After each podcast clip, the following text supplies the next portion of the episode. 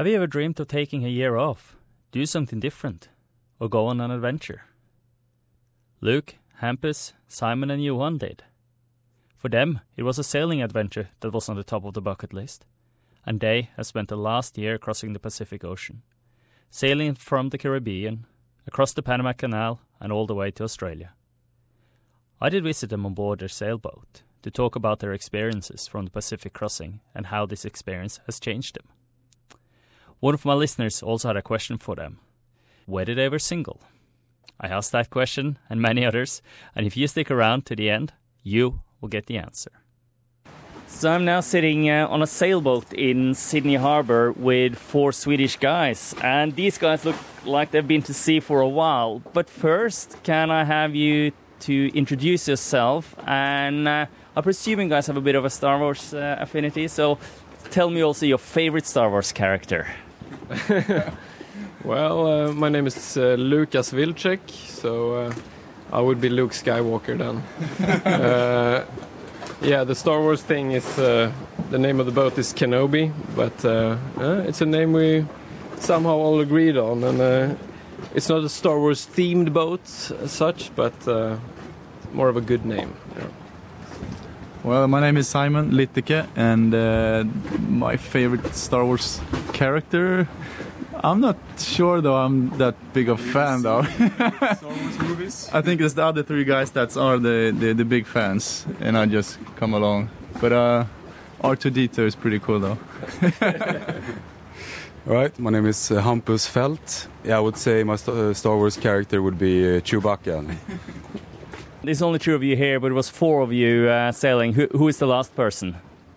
That's uh, Johan Mattsson, who uh, is currently away on uh, shore leave with his parents for uh, a week or so. And then he has to come back and uh, start working on the boat again. And what exactly have you been doing for the last year or so? Yeah, we are, uh, you know, four friends from Stockholm, and we got an idea to fly down to the Caribbean and uh, buy a boat and uh, sail across the Pacific as a sort of sabbatical year and to do this uh, great trip together. We ended up buying a big catamaran. To um, always the plan was to sail across together and uh, eventually sell the boat in Australia. Why did you choose to go on uh, this trip? Well, uh, for me it was pretty obvious because Lucas here did a similar trip before, across the Atlantic, and uh, when he came back, I was a little bit jealous. I want to do the same, so called him and then grabbed beer, and I said, "If you're ever gonna do this again, just give me a call." And uh, he more or less said, "Yeah, I might have a plan. Listen to this." And uh, yeah, basically five months later or so, we were like in in the Caribbean and searching for the boat. So. And uh, how did you uh, get onto this uh, adventure? Yeah, I guess it's uh, sort of similar since Lucas is the main uh, part here, like with the sailing experience. And for me, it was more the adventure. And also, a couple of years I've been thinking about, you know, learning how to sail. I don't have that much sailing experience from, from before. And uh, I was, the plan was to buy a boat in Sweden, and we actually talked about it, buying a boat together in Sweden. And then he called me like, "Yeah, what do you say about buying a boat in the Caribbean instead?" like, "Yeah, why not?" It's nice to do a year like this. You know, I've been working a couple of years back home, do something different, an adventure. So. And you said you didn't have a lot of sailing experience before. Uh, are you a sailor now? Do you know how to sail? No, I'm definitely a sailor, hardcore sailor. I can only imagine during the trip like this, uh, you have seen a lot of incredible places. Any place or experience that have made a particular impact uh, on you guys? It's different from different for all of us, maybe.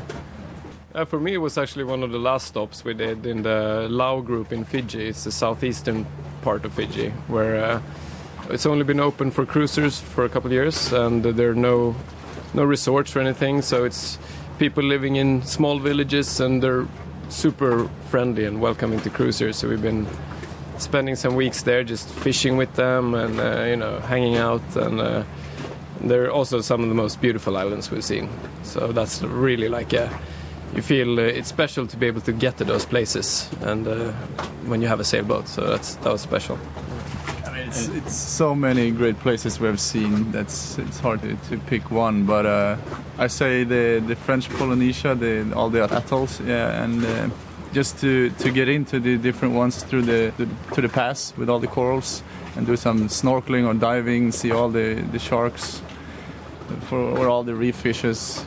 The, I mean, the visibility could be up to 50 meters down in 20 meters depth. So it's amazing just to, to see that where, where you're anchored more or less. So When you're out in the ocean and nothing else to see than water and the sky above you, what were you thinking then? What goes through your mind when you're out on a journey like this? It's pretty interesting. You have a lot of time to think and to think about things. I would say, especially during our major crossing, that was three weeks on the sea without seeing land. We didn't have any autopilot, so we had to hand steer all the way.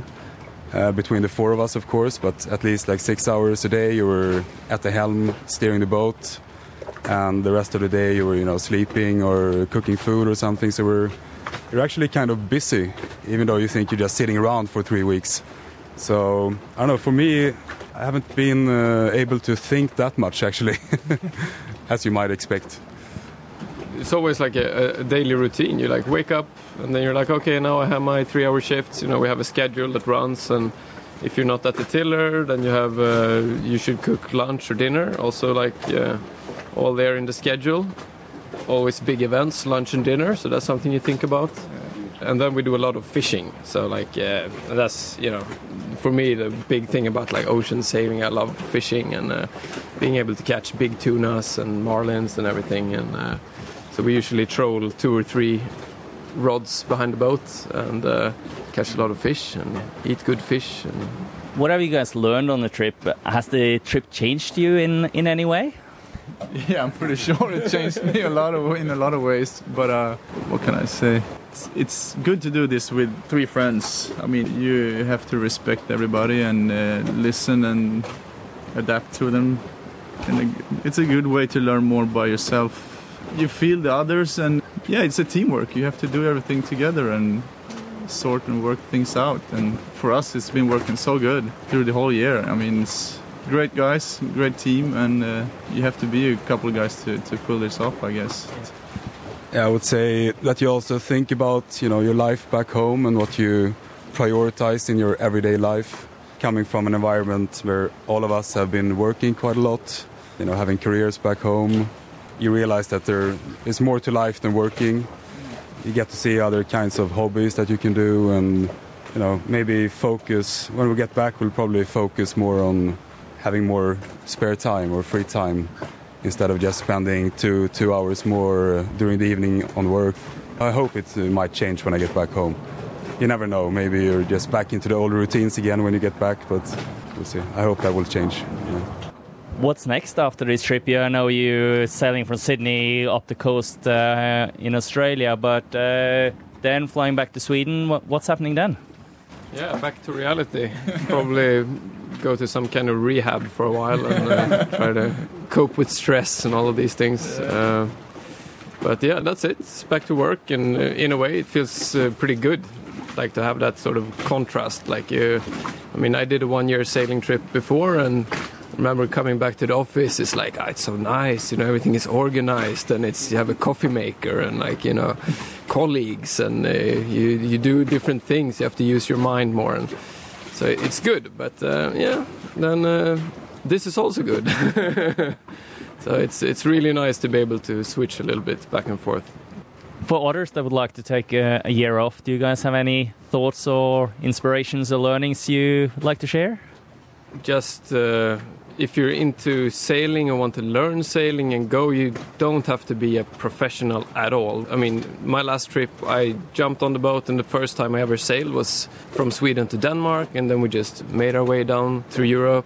So we learned sailing, and uh, yeah, that's how you guys have learned sailing now on this trip. Also, I mean, we didn't have any time to practice really, but you learn on the way, and it's really not that difficult. I mean, you won't be a very good sailor, but you will get the boat moving, and uh, you just need to learn to deal with things that comes up, and. Uh, I think uh, you can do that. In Sweden, if people do a one-year trip, it's always uh, Sweden to the Caribbean and back. this is another great opportunity to buy a boat in the Caribbean and uh, sail it across the Pacific to Australia. And I mean, the places you get to see along this route are just every place is amazing. It's uh, I, I, can't imagine any better year spent on the sea than this. And you have uh, stable weather and trade winds for most of the route as well. So it uh, shouldn't be too tricky sailing wise. You just you're going to want to spend more than one year doing it. That's the only yeah. problem. I mean, for us, it was also a matter of just go for it if you're interested in doing something like this, either if you have to gather some friends or your girlfriend or a boyfriend, just try to do it as soon as possible before something else comes in the way of your plans. So, um, yeah, we just planned this for decided uh, five months before we had to leave, and you know we sorted it out. You know, everybody got to work and you know read about things that you need to know and uh, deal with your work or whatever you have to do. Just try to do it and do it now. And I have one last question, which is from uh, one of the listeners, and it's, uh, I guess, to all of you. Are you single? yes, that's yes. Uh, yes. yes, everybody. That's why we could go. that was Lucas, Hampus, and Simon on board the catamaran Kenobi.